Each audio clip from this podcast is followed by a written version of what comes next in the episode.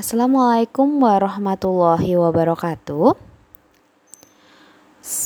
Sampai datang di pembelajaran sejarah Indonesia di semester ganjil ya untuk kelas 10. Di sini Ibu akan menjelaskan mengenai konsep berpikir sinkronis dan diakronis dalam sejarah.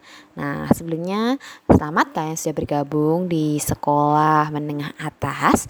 Semoga menjadi di kelas semakin tinggi tingkat jenjang pendidikan kalian, kalian semakin lebih dewasa dan juga semakin semangat untuk belajar.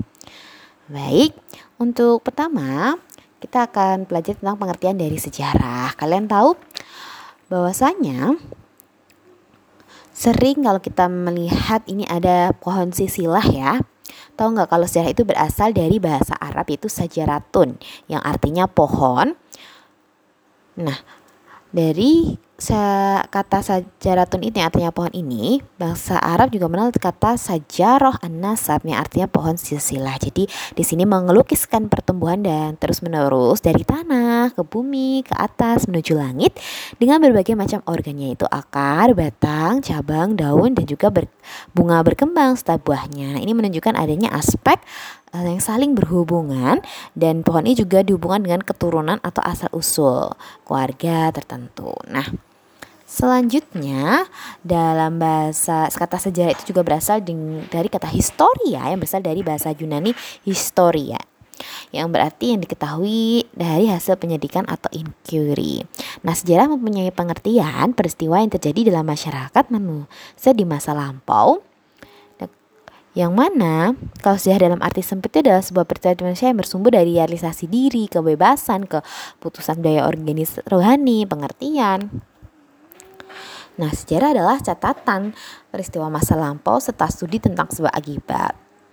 Atau sejarah juga kita adalah cerita kan sejarah kita adalah cerita hidup kita. Di sini uh, sejarah adalah kisah cerita yang mengupas peristiwa kehidupan pada masa lampau yang dibuktikan dengan adanya bukti-bukti tertulis. Nah, kalau menurut kalian, ini apa sih sejarah menurut pandangan kalian? Kalian bisa tulis di buku catatan. Nah, dalam ini kalau kalian tahu ini adalah Candi Prambanan yang terletak di antara Provinsi DIY dan juga Jawa Tengah. Sudah ada yang pernah berkunjung ke sana? Ini merupakan salah satu bukti sejarah.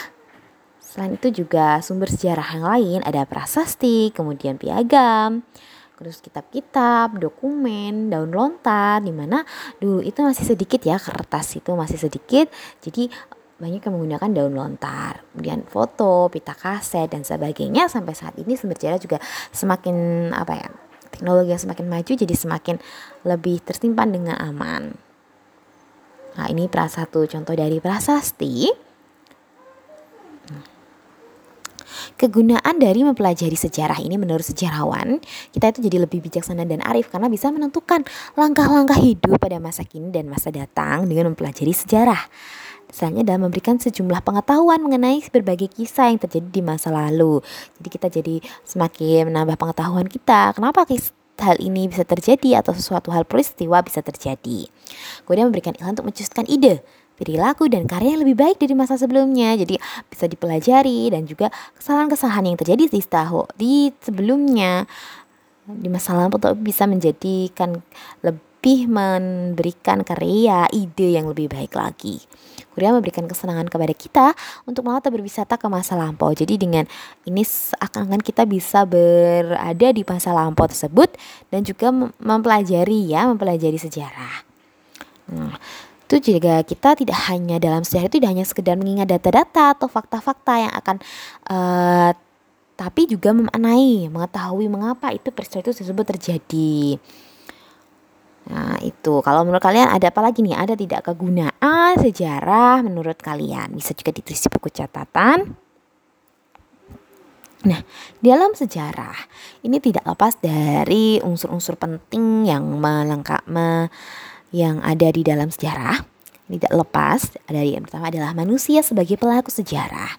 Karena tentu kalau kita belajar sejarah dalam manusia, bukan sejarah binatang atau alamnya. Jadi sejarah itu tidak akan membahas sejarah hewan-hewan. Kalau kalau mempelajari itu berarti ilmu biologi atau zoologi ya.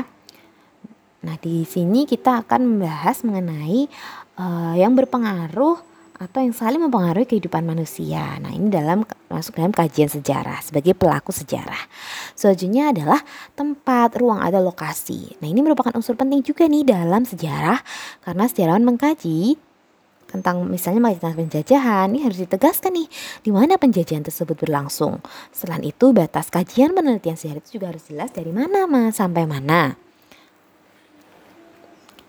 Nah, ini tempat terjadinya juga juga harus melihat terlepas dari ruang waktu juga ya atau waktu ya karena waktu ini seluruh rangkaian ketika proses perbuatan atau telah sedang dan akan berlangsung. Nah, di dalam hmm, peristiwa sejarah itu punya keunikan yang selalu berbeda dari waktu ke waktu ya. Misalnya ada perjalanan di Ponegoro atau perang di Ponegoro yang melawan perang melawan Belanda itu tahun 1825 sampai 1830 ini berbeda dengan perang Pardi yang ada di Sumatera Barat. Walau waktu kalau keduanya itu sama-sama menentang Belanda dan dalam waktu yang beriringan tetapi masing-masing itu mempunyai perbedaan dalam sejarah.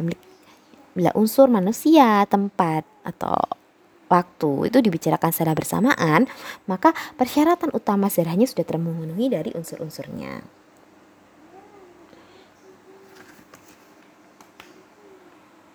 Nah, bagaimana mempelajari sejarah? Nah, menurut Kunto Wijoyo, siswa SMA kalian itu sudah bernala dan pembelajarannya harus diberikan secara kritis. Nah, saya diharapkan bisa uh, tidak hanya sekedar menerima saja tapi juga berpikir kritis meningkatkan critical thinking kalian.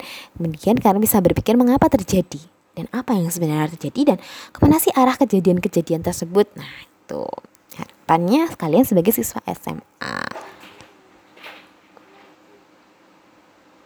Nah, ini kita menuju ke konsep berpikir sinkronis dan diakronis dalam sejarah. Nimit Kunto Wijoyo ada dua kerangka berpikir yang dipergunakan dalam melakukan penelitian atau penulisan ilmu-ilmu sosial yaitu di, berpikir sinkronis, diakronis atau kronologis. Nah, ini cara berpikir sinkronis itu ya berpikir yang mengamati kehidupan secara meluas. Kemudian kerangka berpikirnya itu memandang kehidupan masyarakat sebagai sebuah sistem yang terstruktur dan saling berkaitan antara satu unit dengan unit yang lain. Jadi tidak berasa lepas nih keterkaitan di dalamnya. Kemudian mengurangi kehidupan masyarakat mengurangi kehidupan mengurai kehidupan masyarakat secara deskriptif ya dengan menjelaskan bagian demi bagian. Jadi jelaskan lebih detail dijelaskan dari perbagiannya, kemudian menjelaskan struktur dan fungsi dari masing-masing unit dalam kondisi yang statis atau kondisi yang waktu yang kondisi yang statis yang ideal gitu. Kemudian digunakan juga oleh ilmu-ilmu sosial lain seperti geografi, sosiologi, politik, ekonomi, antropologi dan arkeologi. Nah, kalau yang berpikir diakronis atau kronologis ini berbedanya adalah berpikirnya itu kehidupan sosial secara memanjang atau berdimensi waktu kemudian kerangka berpikir pada masyarakat itu sebagai sesuatu yang terus bergerak memiliki hubungan kausalitas atau sebab akibat jadi ada sebab akibatnya ya kemudian mengurai proses transformasi yang terus berlangsung dari waktu ke waktu kemudian mengurai kehidupan masyarakat secara ke sini kekinambungan dan digunakan dalam ilmu sejarah. Dalam penggabungan konsep berpikir sinkronis dan diakonis diperoleh pemahaman bukan hanya tentang apa yang sudah terjadi, tetapi juga mengapa sesuatu terjadi. Jadi tidak hanya sekedar apa yang terjadi, tapi juga mengapa sesuatu terjadi, apa yang menyebabkan hal itu terjadi. Nah, penggabungan yang aja bukan hanya menjelaskan keterkaitan antara bagian, namun urutan kronologis dan dinamis dalam durasi waktu tertentu. Jadi, durasi waktunya itu tertentu ya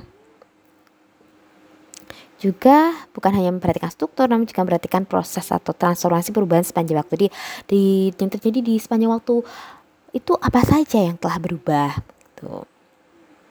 Kemudian kita ke pendekatan multidimensional, selain dipandang sebagai proses yang dinamis, juga memperhatikan berbagai aspek dalam kehidupan sosial yang turut mempengaruhi gerak pertumbuhan dan perkembangan sejarah. Jadi kita lihat kehidupan sosialnya, itu apa saja yang mempengaruhi jadi perkembangan sejarah ini menurut Bapak Sartono Kartodirjo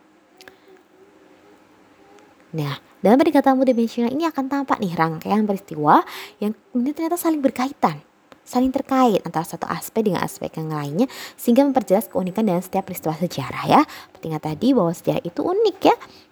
tidak ada karena memiliki ciri khas masing-masing, keunikan masing-masing dalam setiap peristiwa sejarah. Juga dalam pendekatan ini mengungkapkan berbagai dimensi kehidupan masyarakat pada masa lampau. Ini sejarah memerlukan pendekatan dan konsep-konsep ilmu sosial lain. Jadi uh, dari ilmu-ilmu sosial yang lain, misalnya tadi geografi, ekonomi, juga juga memerlukan pendekatan-pendekatan dan dari ilmu-ilmu yang lainnya ya dalam pendekatan dalam ilmu sejarah dan secara naratif itu mengungkapkan sesuatu yang telah terjadi pada suatu kurun waktu tertentu sehingga tersusun cerita.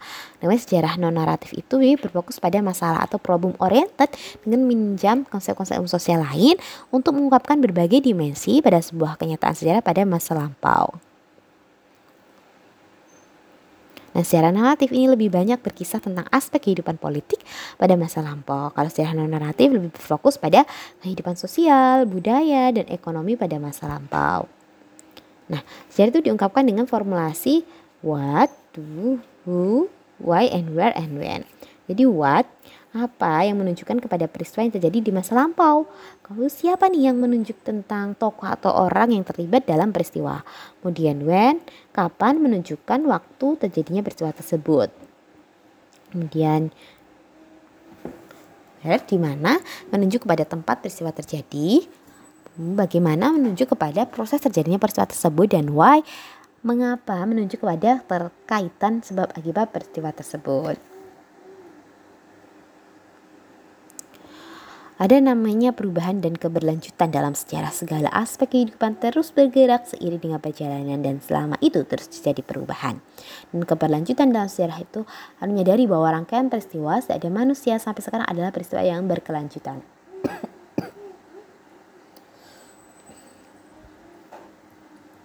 ya, cukup sekian pembelajaran hari ini. Semoga kalian bisa mengambil pelajaran Semoga bermanfaat dari Ibu. Assalamualaikum warahmatullahi wabarakatuh.